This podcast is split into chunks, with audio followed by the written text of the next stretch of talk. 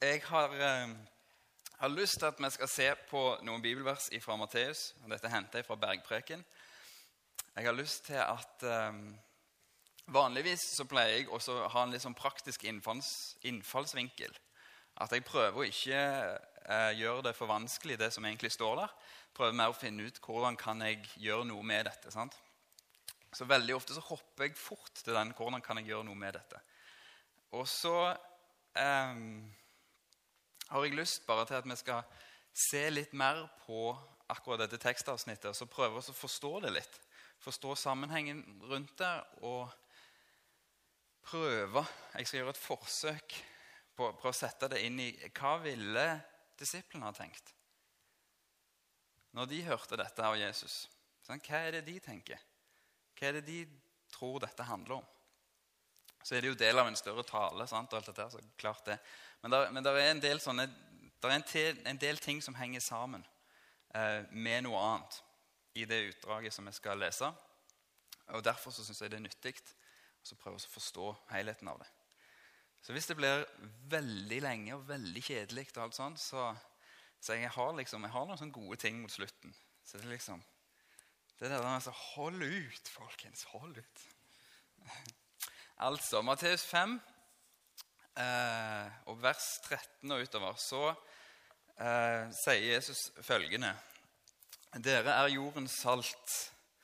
Eh, men hvis saltet mister sin kraft, hvordan kan det da bli gjort til salt igjen? Det duger ikke lenger til noe, men kastes ut og tråkkes ned av menneskene. Og dere er verdens lys. En by som ligger på et fjell, kan ikke skjules. Heller ikke tenner man en oljelampe og setter den under et kar. Nei, man setter den på en holder, så den lyser for alle i huset. Slik skal deres lys skinne for menneskene, så de kan se de gode gjerningene dere gjør, og prise deres far i himmelen. Jeg har lyst til å snakke til dere om å være salt og om å være lys. Eh, og Jeg har hørt disse talene mange ganger før. Eh, og Da hopper vi fort til å forklare hva er det et salt gjør, og hva er det, hva er det som er spesielt med lys framfor mørke. Og Ut ifra det så skal vi prøve å forstå hva det er vi skal gjøre. Og Det er for så vidt en god innfallsvinkel. Eh, for dere som har vært borti en bibeltolkning, må man vel kalle det, som heter The Message, så syns jeg den eh, gjør det kjempebra. Eh, den sier at dere skal være salt, sånn at mennesker får tak i alle smakene som er i verden. Og dere skal være lys, sånn at mennesker kan se alle fargene. Eh, og Det som er nydelig med den tolkningen, er at det, salt får mat til å smake mer. Er dere enig i det? Litt, sant? Da, da får vi tak i smaken. Og lys, da ser vi bedre hva type farger det er. Hva, hva, er det som er inni dette rommet? Når det, når det, er lyst, så blir fargene sterkere. Eh, samtidig så tror jeg at disiplene hørte noe litt annet. Og så, så skal dere få av meg, helt gratis, skal dere få litt eh, gammeltestamentlig historie. Det er noen, eh, noen ord i, eh, på hebraisk, vel å merke, for Gammeltestamentet er skrevet på hebraisk, så er det noen ord som blir litt tyngre i den hebraiske teksten, altså Gammeltestamentet, enn andre. Eh, akkurat som vi kan si at det er noen ord som går igjen. Eh, dette her er litt innvikla, så jeg skal prøve å si det veldig enkelt. Hebraisk har ikke vokaler. sant? Skriftspråket har ikke vokaler, det er bare konsonanter. Eh, og så er det da noen, Hvert ord gjøres opp av såkalte stammekonsonanter. Eh, og så bygger du på disse her med masse rare ting. Så det å forstå hebraisk er nesten som å liksom dekryptere en kode av og til. For hva ord er det egentlig som gjemmer seg inni her? Og veldig ofte så er det et ord som gjemmer seg inni dette når Gud skal fortelle noe viktig. Eller israelsfolket skal prøve å forstå hvem de er. Og Det ordet har de valgt å hilse hverandre med. Og De gjør det fram til den dag i dag. Det de sier shalom når de hilser hverandre. Hvor mange har hørt 'Evinu shalom', 'Evinu shalom' Ja, Noen har hørt den. sant? Ja, det er det ordet. Og vi har valgt, Den norske versjonen av den sangen har vi valgt å si å, det er Gud fred jeg vil gi deg. Og det er egentlig litt sant. Samtidig så rommer begrepet shalom mer. Det rommer eh, akkurat som en, en, form for harmoni. Eh, det, det, er litt sånn som å si at det som er skapt, fungerer sånn som det er skapt til. Sant? Eh, det er en type fred mellom skaper og skaperverk. Det er harmonisk. Det er, det er vanskelig egentlig å finne kjempegode ord på det, bortsett fra harmoni. Og eh, Ganske tidlig også i Gamletestamentet så ytrer Gud et sånt ønske om at det er et folk Han skal sørge for at Abraham får en slekt, og et folk som skal være til velsignelse for alle de andre folkeslagene. Og Historien går videre med at Gud markerer seg i forhold til hva er det Hva er shalom? Hva er det for noe? Hva er denne harmonien? Hvordan fungerer det? Og så går liksom Israelsfolket og den gammeltestamentlige historien har på en måte en sånn type vandring der Gud akkurat som legger mer og mer kjøtt på et sånn type bein. Forstår dere bildet? Det, det, det, blir mer og mer detaljer, og det blir mer og mer tydelig. Og På et tidspunkt i denne historien så eh, så får jødene lov til å innta et land. De skal nesten få lov til å okkupere et landområde. som skal være, eh, Det skal være et annet type land. Det skal være preget av shalom. Akkurat som Gud sier at her er muligheten deres til å vise resten av verden hvordan det går an å behandle hverandre. Her er muligheten til å vise resten av verden hvordan vi behandler jorda. Hvert syvende år så får han hvile, sier Gud. Ikke så noe. La han hvile. Sant? Du tar den beste maten din. Når du har høsta noe, så tar du den beste maten din. Og så ofrer du det til tempelet, til Gud. Og tempelet igjen sørga for at de som ikke hadde noe mat, fikk. Sant? Det var en sånn redistribusjonsordning, sånn at alle skulle ha mat og skulle slippe å stjele.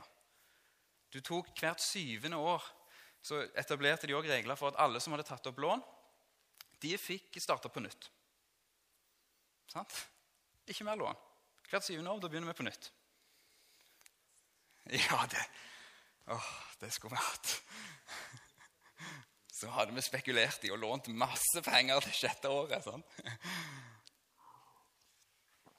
Ja, men der, ta og les, les igjennom tredje Mosebok, f.eks., som en, til tider en voldsom sånn oppramsning av forskjellige ting som de skulle ta hensyn til.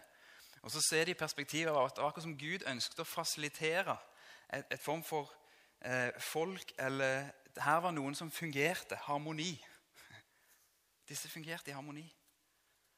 Og ikke nok med det, så går det en liten stund, og så blir, eh, blir israelsfolket litt sånn ivrige på at vi må jo ha en bygning som representerer deg. Og vi må ha en by, vi må ha et helt konkret sted som alle kan se. sant? Som alle kan se til, som kan reflektere din storhet og din shalom. Og så får denne byen navn Jerusalem. Så plasserer de den på en høyde, sånn at du kan se den nesten uansett hvor du er i terrenget. Og så Midt i denne byen så etablerer de da et tempelområde som får enda mer regler, innvikla regler og alt mulig sånn. Ikke for å ekskludere folk nødvendigvis, men for å si at det er noe som er hellig. Og det skal vi ta vare på. Og så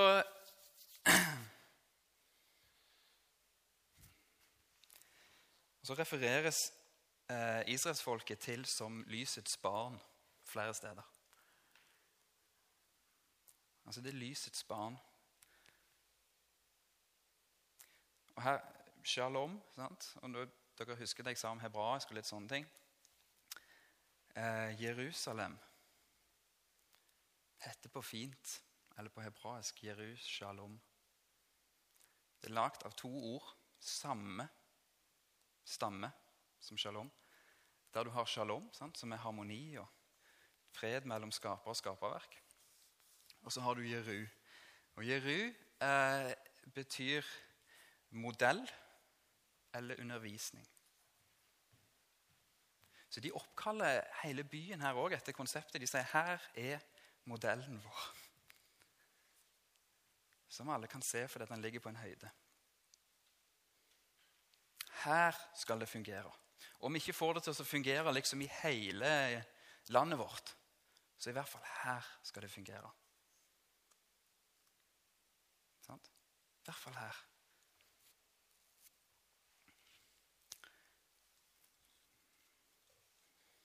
Så står det om at Jesus begynner å grine når han eh, kommer til Jerusalem.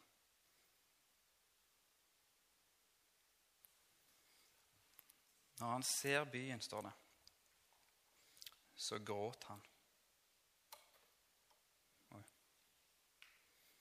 Og Så sier Jesus, 'Hadde du bare forstått', og da snakker han til byen, hva som tjener til fred.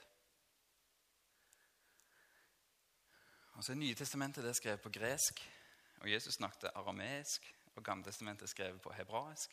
Sånn at alt dette, Jeg kan ikke bevise noe av dette. Jeg er ganske sikker på at Jesus sa hadde du bare forstått hva som tjente til shalom. Hadde du bare forstått shalom, Jeru, shalom.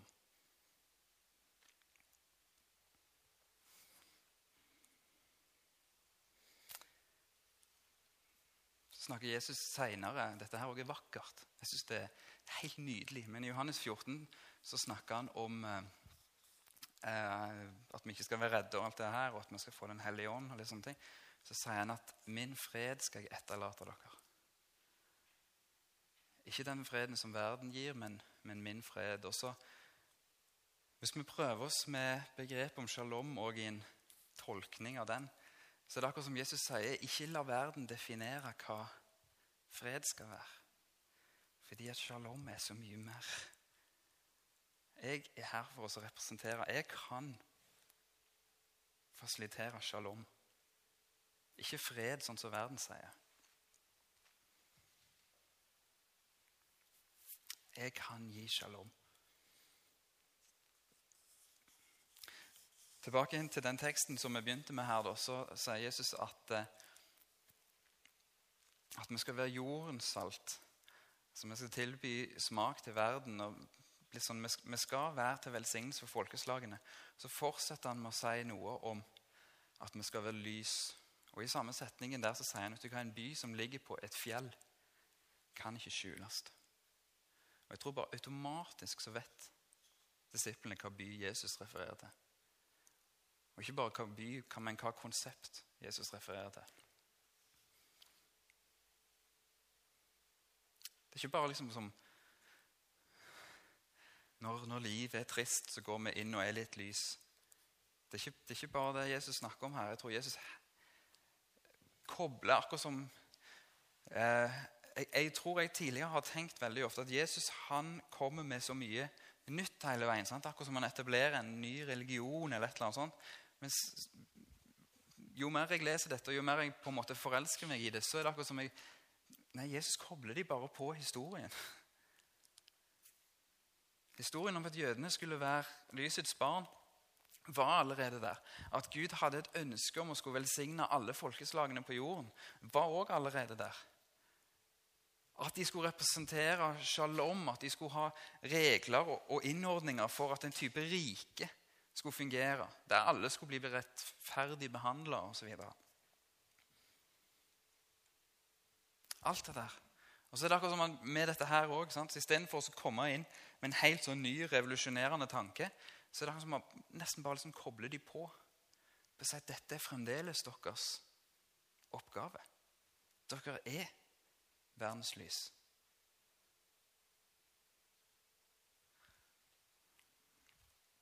Og Så omtaler han seg sjøl òg uh, uh, Litt seinere i et annet evangelium som omtaler seg sjøl som verdenslys.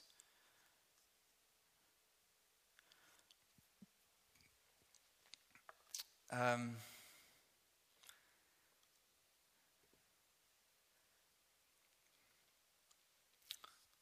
rett videre i bergpreken så Når jeg liksom har sagt dette her om lys og du, du, du tenner ikke et lys eh, og setter det unna på en måte Unna i bøtta. Du tenner et lys og setter det i en stake, sånn at det kan skinne. Sånn at det kan vise menneskene de gode gjerningene deres. Sånn at menneskene igjen kan se far sin herlighet. Og så fortsetter han i vers 17. Så det er akkurat som han eh, sier jeg er ikke kommet for oss å oppheve loven. Alt det der sånn, så, igjen, Dette her er ikke noe nytt, revolusjonerende greier. Det er ikke det, jeg kommer ikke liksom med, og nå skal, nå skal vi starte helt på nytt igjen. og vi skal sant, ikke bry oss om noen ting. og litt sånne ting, Men akkurat som han, jeg, jeg er ikke her for å oppheve det. Jeg er her for å gjøre det mulig. Her for å oppfylle det, har vi oversatt det med. Men jeg er her for at ikke at loven skal ta slutt, men for at det som loven tjener, shalom, skal være mulig. Jeg er her for å oppfylle det.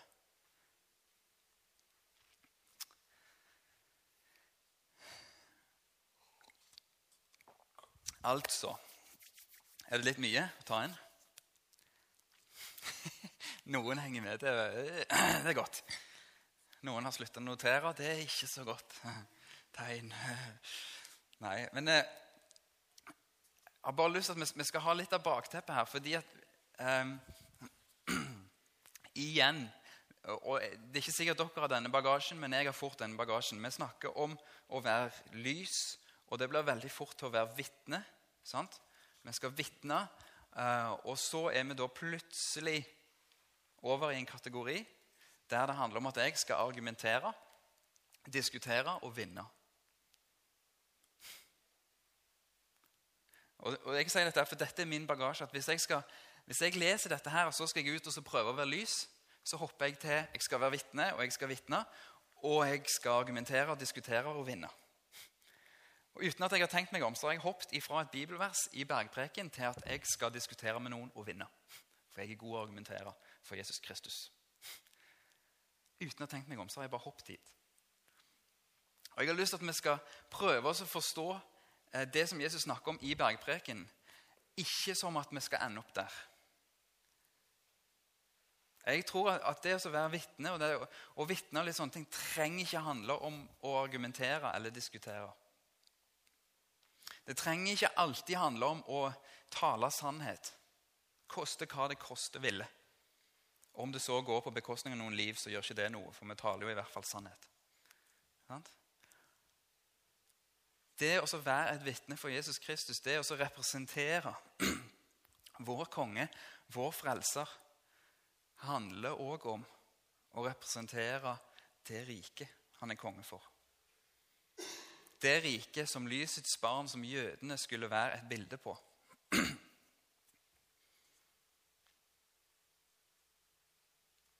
Det handler òg om å representere shalom. Representere harmonien.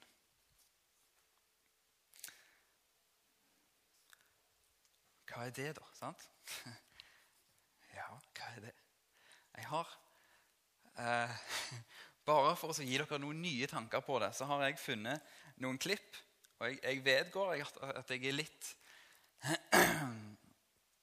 litt inhabil når jeg søker. Fordi at eh, jeg har en seks måneder gammel gutt hjemme som er alt fra sjarmtroll til bare troll. sant? men, eh, men jeg kom over et klipp på YouTube som dere skal få se. Dette er altså en som har eh, søkt på en jobb og gjort en fair innsats. Så har han fått avslag, avslagsbrev tilbake igjen. Og se hva de gjør med det brevet. Jeg syns dette, dette er nydelig. Uh.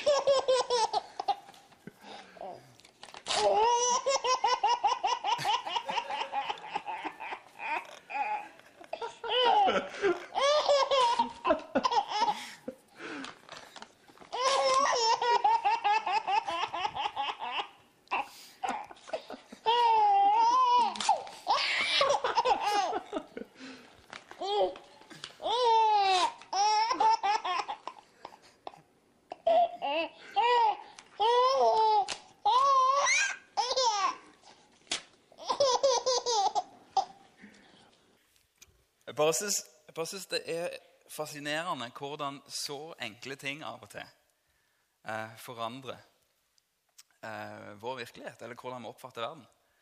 Sant? Som det er også i utgangspunktet.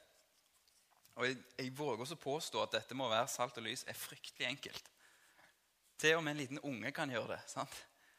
Til at du river avslagsbrevet ditt, og sannsynligvis er du litt bitter. Etter at du har ledd med ungen din i noen minutter, så er du ikke bitter lenger.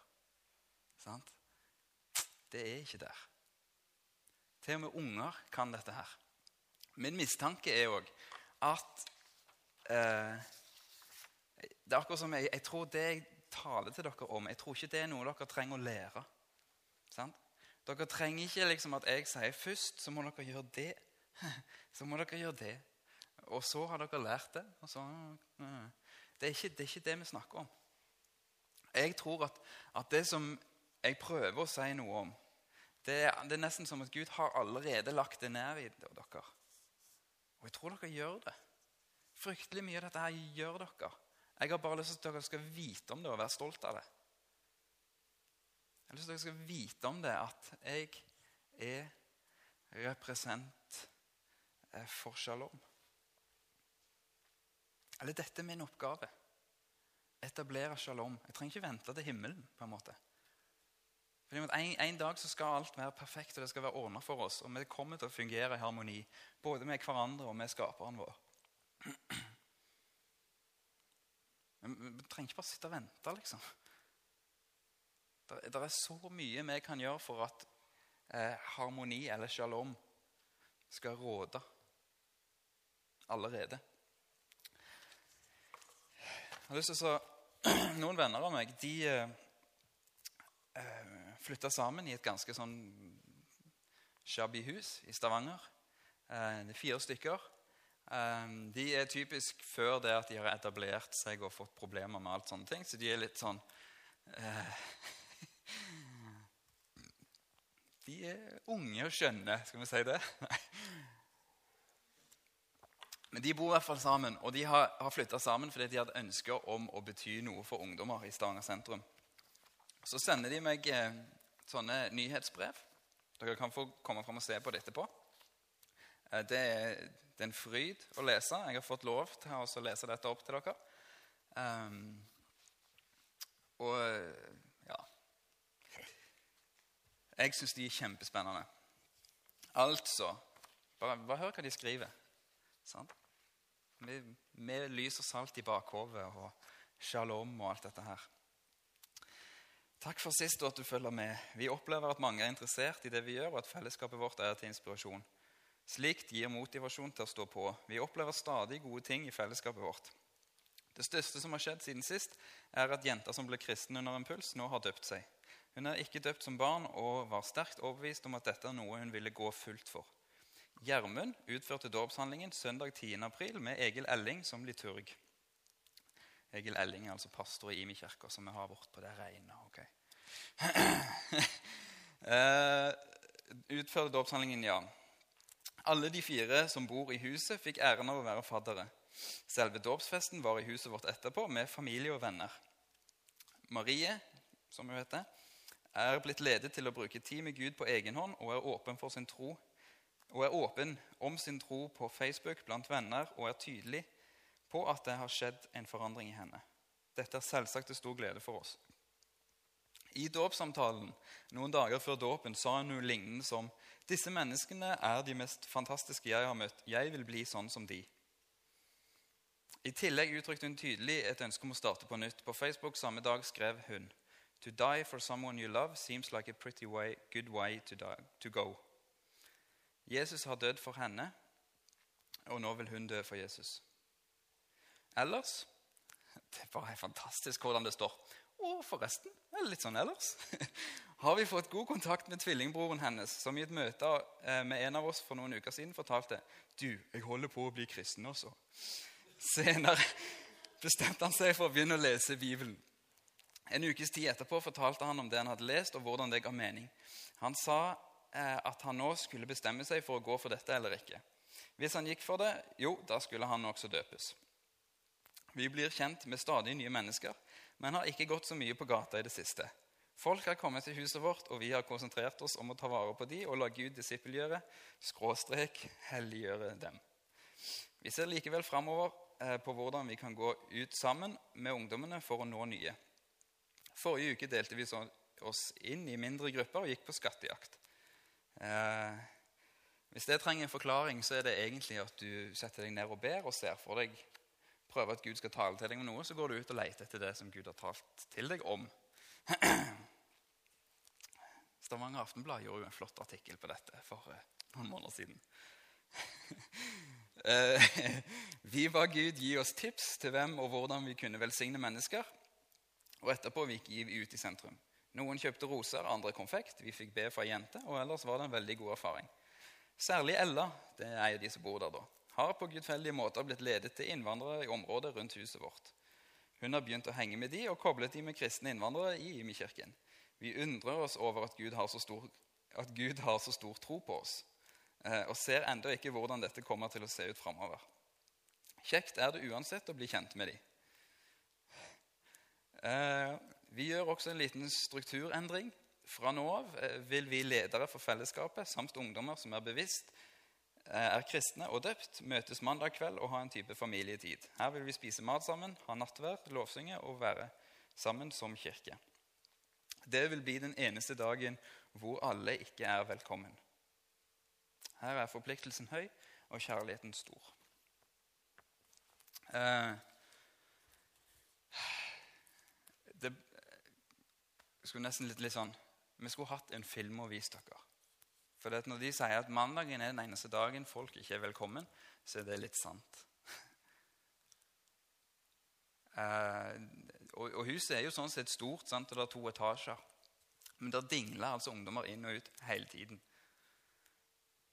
Og det Og bare liksom Det er ikke de flotte ungdommene, dette. Marie, når du satt i eh, dåpssamtale med Egil Elling Snakket med Egil Elling etterpå, som bare var helt sånn. Da satt du altså med, med en eh, sånn eh, satanistaktig bror på ene siden eh, og en spiritist av en mor på andre siden og sitter og sier dette er de mest fantastiske menneskene jeg har møtt. Jeg vil bli sånn som de.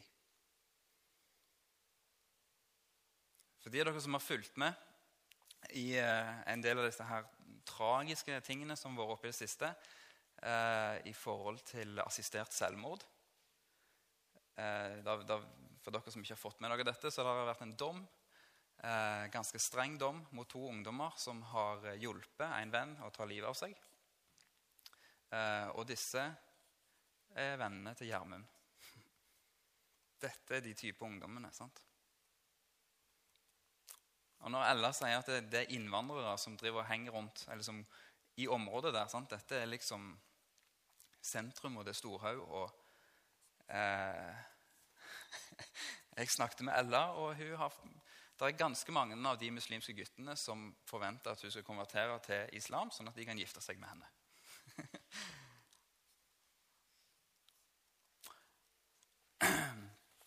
Dette høres kanskje vanskelig ut. Høres litt sånn voldsomt ut, men det er egentlig ikke det. Det handler bare om at du begynner litt, og at du er stolt av det du gjør. Du er bevisst det. Jeg, skulle liksom, jeg syns det er helt fantastisk å sitte og snakke med disse her, og så sier de at man har lyst til å liksom, bety noe for ungdommer i sentrum. Og så spør jeg hvordan har dere tenkt å gjøre det. De trenger å bli kjent med oss. Det er liksom planen. Sant? Det er planen. De trenger å bli kjent med oss. Så tenker jeg ja, så klart de gjør det. Klart de trenger å bli kjent med dere. Er det noen som vet hvem han innante er? Ringer noen bjeller? Det er en sånn revyfigur. sant? Som masse galskap og alt dette her. Han heter egentlig Torolf Nordbø. Og Han er jo masse galskap, sant? Men en av de som han har i ensemblet sitt, Altså disse her rare figurene som han har med seg, som spiller på diverse ting. og sant? Det er ikke sikkert alle har sett revyen. Men det, altså, se for dere at det er litt sånn Det er litt galskap. Veldig mye galskap. De, ok, her eh, Dere tåler dette. I den ene revyen de gjorde, så tok de en sau. Framdelen av sauen. Og så kobla de det på en eller annen måte til et, eh, et keyboard, sånn at de kunne spille. Og jo lysere toner de, de spilte, jo høyere gapte den sauen. sant? Dette er liksom humoren. Neste revy Ja, nei, vi må jo bruke bakparten av sauen. Så vi monterer et gjøkur i rumpa på den, sånn at gjøken kommer ut og sier ko-ko. sant? Det, dette her er liksom da, det er kjempehumor, og det er gøy, og de kler seg ut. En av de som er med på dette her, sant? han eh, strever, strevde i veldig mange år med eh, depresjoner. Solide depresjoner. Og har vært helt på felgen. Og eh, altså flere av de faktisk. Jeg kjenner faktisk flere når jeg tenker meg om. Men han eh, prøvde medisiner og alt mulig. Ingenting hjelper. Så kommer Torolf-titlene og sier ja, du, da, vær med meg. Ja, ja, ja, ja greit, det. Jeg kan være med deg. Jeg spiller jo litt. Ja, ja, ja, kan være med meg. Så er jeg med og, og turnerer rundt, og så etter noen år litt, sånn, så, så er ting greit. Den galskapen og den livsgleden Nå var det greit. Nå var det greit, liksom. Nå, jo da, sant? det var mye savn, og det var vanskelig, og alt mulig, men nå fungerer han igjen. En nabo som, jeg, eh, som bodde i nabolaget som jeg vokste opp, eh, der jeg vokste opp, han eh, jeg kan ikke hele denne historien, men Og jeg burde jo ringt og spurt altså, hva, hun, hva som feilte hun. Men kona hans eh, hadde en, en, ulykke og, og får, en, får, en, hjerneskade. Der hun egentlig bare sitter i en, i en rullestol. Og da, de neste årene så mister hun mister liksom mer og mer vitale funksjoner. Uh, og mister ikke bare vitale funksjoner, men hun mister personligheten sin. Hun blir bare frekkere og frekkere og, og verre og verre og verre med. Sant? Til slutt så sitter hun bare der og brøler og brøler og brøler. Og kjefter og smeller, og alt er feil. Og, sant? Og, dette her. og han uh, er vel uh, Hva er han nå? 80? Han pleide kona si i godt over 30 år. godt over 30 år og hadde henne hjemme. Pleide henne. Eh, hadde jo litt sånn hjelp av, av, av, pleiere og litt sånne ting. Og eh, så mange, så mange av barn og av annen slekt litt ting som har prøvd å overbevise han om at hun skal på et sykehjem. Og han sier nei det skal vi ikke. Eh, og eh, så dør hun til slutt, og så er det begravelse. og Jeg er vokst opp i ei lita bygd, 2500 innbyggere. Og, sånt, eh, og kirka er bare stappfull. Eh, altså ikke, ikke sånn julaftenfull. Stappfull. Sant? Eh, mennesker som ikke kommer inn. Eh, og Jostein Lemme, som han heter, holder tale eh, for sånn minne, minnetale. Der han forteller om lysglimtet sitt. Så sier han at hun var lysglimtet mitt i hverdagen. Og det som han eh, på en vakker måte så får han sagt noe om trofasthet og om utholdenhet og det om aldri å gi opp. og litt sånne ting. Samtidig så setter han det på en måte så enormt i perspektiv. I hvert fall for meg. Der jeg kan velge å se på alle de andre tingene som hun var. Men han valgte også å se på lyset.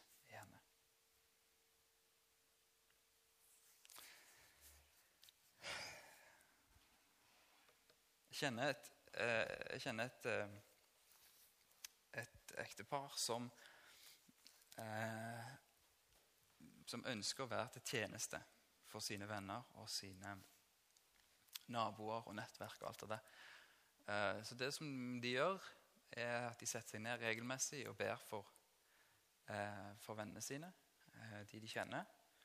Og så lar de Gud tale til dem. og så av og til sier de, så er det noen navn som blinker seg ut.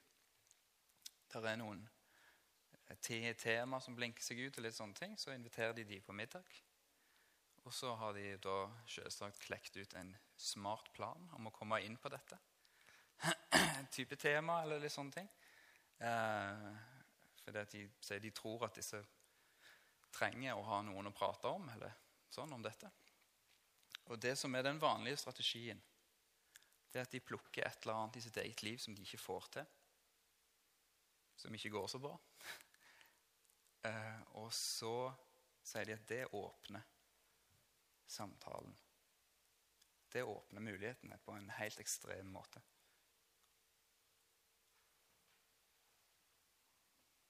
Og så ville jeg sagt ja, men er det ikke slitsomt, da? Og på en måte hele veien utlevere seg og fortelle om alle de tingene som ikke funker. og liksom alt det der, Og så eh, da svaret jo da, men det er verdt det. Det er de verdt, disse menneskene som jeg er glad i.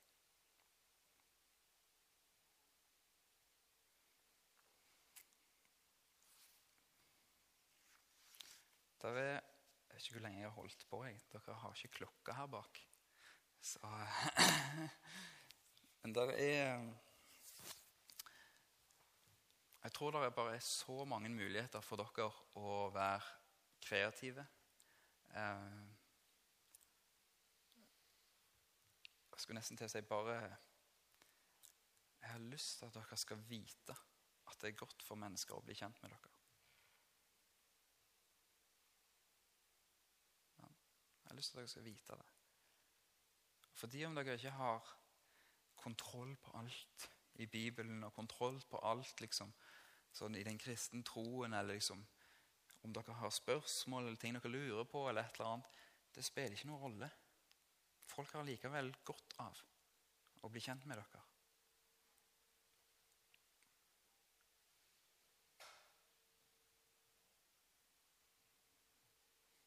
Hvis dere er jeg har sikkert fortalt dere denne historien før. Altså. Men hvis dere er lys, hvis dere er lysets barn, hvis det er det folket vi fremdeles er, sant? så må vi jo Jeg tenker i hvert fall sånn. Vi må jo sørge for oss å lyse opp, da. Jeg snakket med en som skulle flytte eh, til et område i, i Manchester. Eh, del av et eh, prosjekt som heter Eden Project, som er kjempespennende. og sånn. Det kan dere søke opp på nettet. og Hele konseptet er å finne de verste bydelene. Eh, og så utfordrer du kristne til å flytte inn der. Ikke starte klubber, men altså flytte inn der. Ta med deg barn og på en måte alt, og så bor du der. Så snakket jeg med en av de som skulle være med på det, som der, der er en sånn drabant. Sånn her eh, bygård, skal jeg si. Der er blokker, sant? så det en sånn greie i midten. De har sånne i Oslo, tror jeg. Men der, der er en sånn, en sånn bygård eh, som, eh, som de refererer til som hell. Rett og slett. Det er sånn type bygård der eh, vinduene er knust og liksom Sant? Det er sånn du ser på film. Det er tagger der og alt mulig. Det er drit. Sant? Vi kaller han for hell.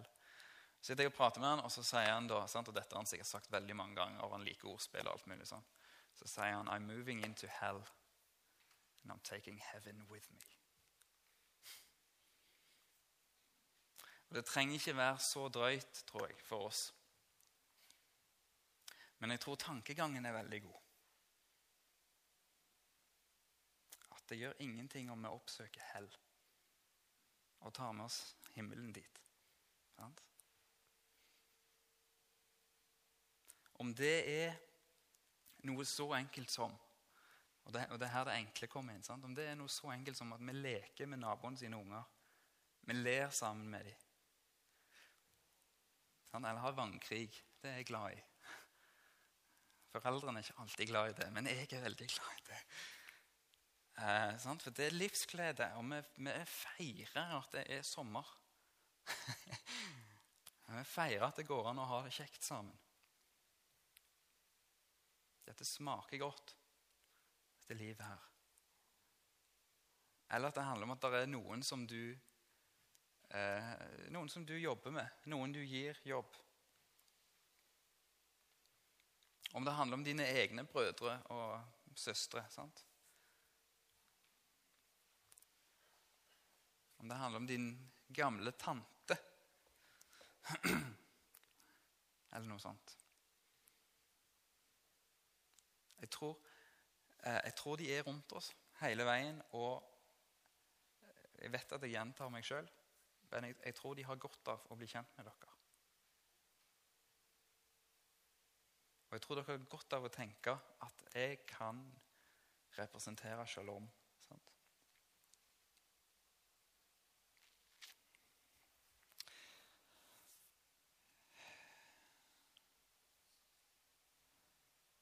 Jeg tenkte bare jeg skulle tenkte jeg skulle gjøre én ting eh, til slutt som eh, Dette står imot slutten av eh, Matteus 5, kapittelet. Og grunnen, grunnen til å liste det opp er rett og slett at en av de tingene som jeg opplever eh, som den beste måten å representere eh, shalom på, eller Guds rike, eller den beste måten å være et vitne på, opplever jeg veldig ofte er å kunne tilgi. Av en eller annen grunn. Jeg vet ikke. Det kan hende det er noe feil med meg. Eh, men av en eller annen grunn så havner jeg ofte i situasjoner som er litt konfliktfylt. Og så har jeg tenkt på det at ja, men Sondre, vil ikke, vil ikke det å å leve i harmoni og alt det der, vil ikke det si å ikke havne i de situasjonene? Hvorfor ender du alltid i de situasjonene? Kan du ikke bare holde kjeft, eller kan du ikke bare late som du ikke så det, eller kan du ikke bare ikke få de innfallene? sånt? Så bare lurer jeg på fremdeles om en bedre måte å forstå det på ikke handler om eh, at det ikke er konflikter men at det handler om eh, forsoning der det er konflikter. Jeg, har, jeg skal fortelle en historie til slutt, og så, så skal jeg lese fra Matteus. Men jeg, jeg, jeg, jobbet med ei eh, eh, jobbet på en barnevernsinstitusjon med ei som var eh, artist. Hun er Ja da. Hun er ateist, men veldig opptatt av det åndelige perspektivet i yoga. ok, greit. Flott. Vi går ikke inn på den nå. Men, eh, men eh, jeg eh, reiste altså til Thailand på en misjonstur, som hun kalte det, og Kambodsja. Det er for så vidt sant. Jeg reiste dit, og vi, vi satt på et eh, på et nachspiel. Eh, og hun var lett beduggen. Eh, og, det, og da slipper hun på en måte ut all sin Da spruter hun litt ild. Se for dere en drage. En tynn og lett drage som spruter ild. Og det, Hun mente det var helt forkastelig at jeg hadde reist så langt for å påtvinge noen min religion på disse skjønne eh, thaiene som aldri gjorde noe feil og bare var fredelige. Og hun, hun syntes jeg var så vemmelig, og det var ikke snakk om jeg var så vemmelig. Og det, det hjalp liksom ikke, uansett hvordan jeg snudde og, og ventet på dette her og prøvde å få henne til å se noe positivt i, i eh, kontakt med meg. sant? Jeg var, Nei, dette var ikke noe. Og uh, vi gikk fra hverandre, og, og, det var ikke noen hyggelig opplevelse. Eh, sant? Sånn som jeg sier, jeg ender bare i sånn konflikter hele veien. og så eh, går det en stund, sant? og eh, jeg er jo usikker på hva, hvordan det sant? går det an å møte henne på jobb nå etterpå. og liksom sånn, Hvordan er det? Og, Og hun er da fryktelig hyggelig vet du, på jobb. Overkompenserer så det holder for at du har vært stygg eh, liksom i helga på forhånd. Og så, etter hvert, så, eh, så befinner vi oss på et nytt nachspiel. Og da går det jo an å snakke om det du egentlig føler igjen. Egentlig føler. Det er visst sånn. Og da sier hun noe om at hun, hun eh, angrer sånn på det hun sa forrige gang. Og hun syns hun behandla meg så urettferdig. Så sier jeg at det, det, er helt greit at eh, jeg sier det, det, det, kan godt hende du hadde rett i noe. og det, jeg, jeg har ikke tatt meg så nær av det. og litt sånne ting. Det hadde jeg jo for så vidt. Men det, og hun, sånn, Vi fortsetter jo bare på dette her, og hun, hun, får bare ikke, hun klarer ikke å la det gå. Så sier jeg vet du, ja, det er helt greit, jeg tilgir deg. Stopper. Gjør du? Ja, sier jeg. jeg Tilgir deg. Nei, det trodde du ikke noe på. Gjør du det? Ja, sier jeg. Holder det ikke mot deg lenger. Og Så fortsetter vi praten, og så eh, snakker vi om del om hva, hva, jeg tror, og hvorfor jeg kan tilgi. Sant? Uten at hun har kjøpt masse dyre ting til meg. og alt dette her.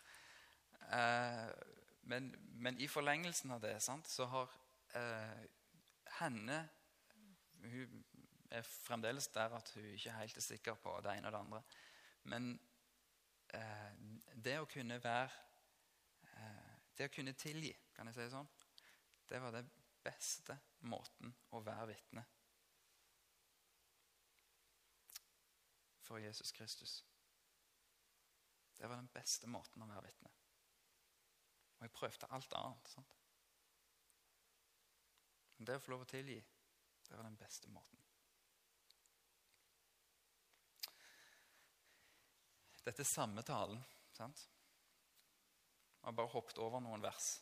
Jesus har snakket om å være lys og salt. Han har begynt med disse her saligprisningene sine. At eh, dere skal forstå dere sjøl som lykkelig når dere er blant de minste. Når dere er blant de sultne, og når dere er urettferdig behandla. Og så alt dette her, sant? Ramse opp de. Så sier han dere skal være eh, salt, og dere skal være lys. Og Så hopper vi over en liten bit eh, som dere kan få lov å sjekke hjemme hvis dere vil. Og Så er vi tilbake inn i vers 43. Så sier han bl.a.: Dere har hørt at det er sagt du skal elske din neste og hate din fiende.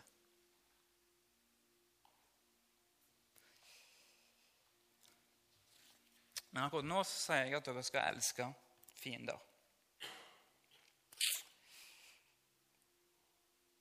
Dere skal velsigne de som forbanner dere, og dere skal gjøre godt mot de som hater dere. Dere skal be for de som krenker dere og forfølger dere. Sånn kan dere være barn av deres far i himmelen. For han lar sin sol gå opp over onde og gode, og lar det regne over rettferdige og urettferdige. Om dere elsker de som elsker dere, er det noe å lønne dere for. Gjør ikke tollerne akkurat det samme? Og om dere hilser vennlig på deres egne, er det noe storarta? Gjør ikke hedningene akkurat det samme?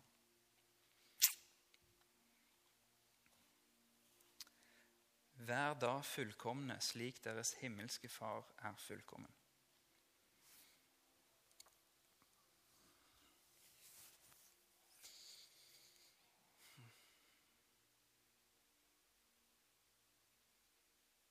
Jeg har bare lyst til å be Jesus om at, eh, at du fyller oss du fyller oss med din eh, fred. Du fyller oss med din shalom.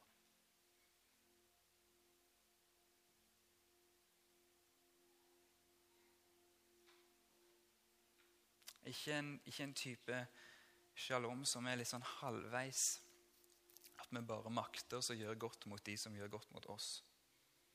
Men en fullkommen en. En perfekt.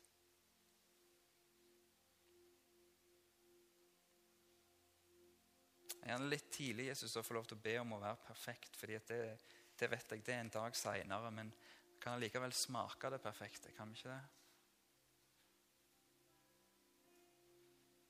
Kan jeg likevel smake det?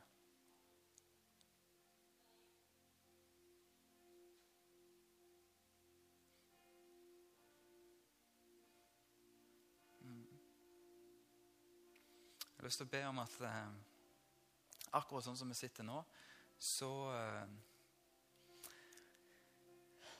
så taler du til oss om hvem det er vi har i livet vårt eh, som vi kan representere shalom over.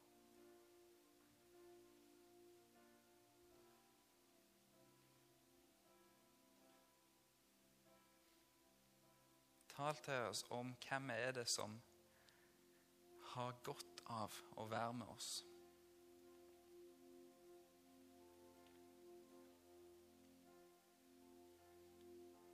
Kanskje er det mer tid til eh, barn. Kanskje er det mer tid til ektefelle. Eller søsken.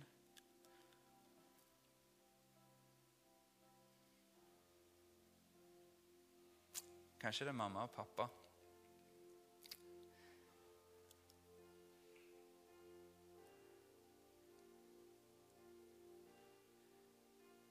Kanskje er det arbeidskollegaer eller medstudenter. og Lagkamerater på fotballag og lignende. Kanskje er det rett og slett alle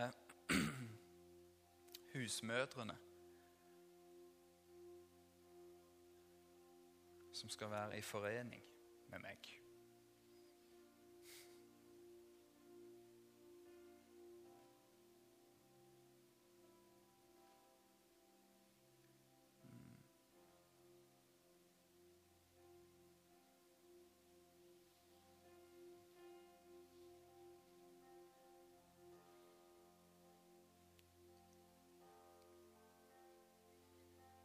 Har lyst til å takke deg, Herre, fordi at du er trofast mot oss. Uansett hva vi finner på, og uansett hvor mange ganger vi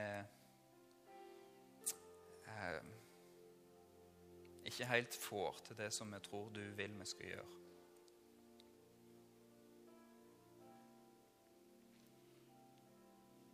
Takk fordi at Gamletestamentet Gammeltestamentet er et enormt testamentet om hvor trofast du er.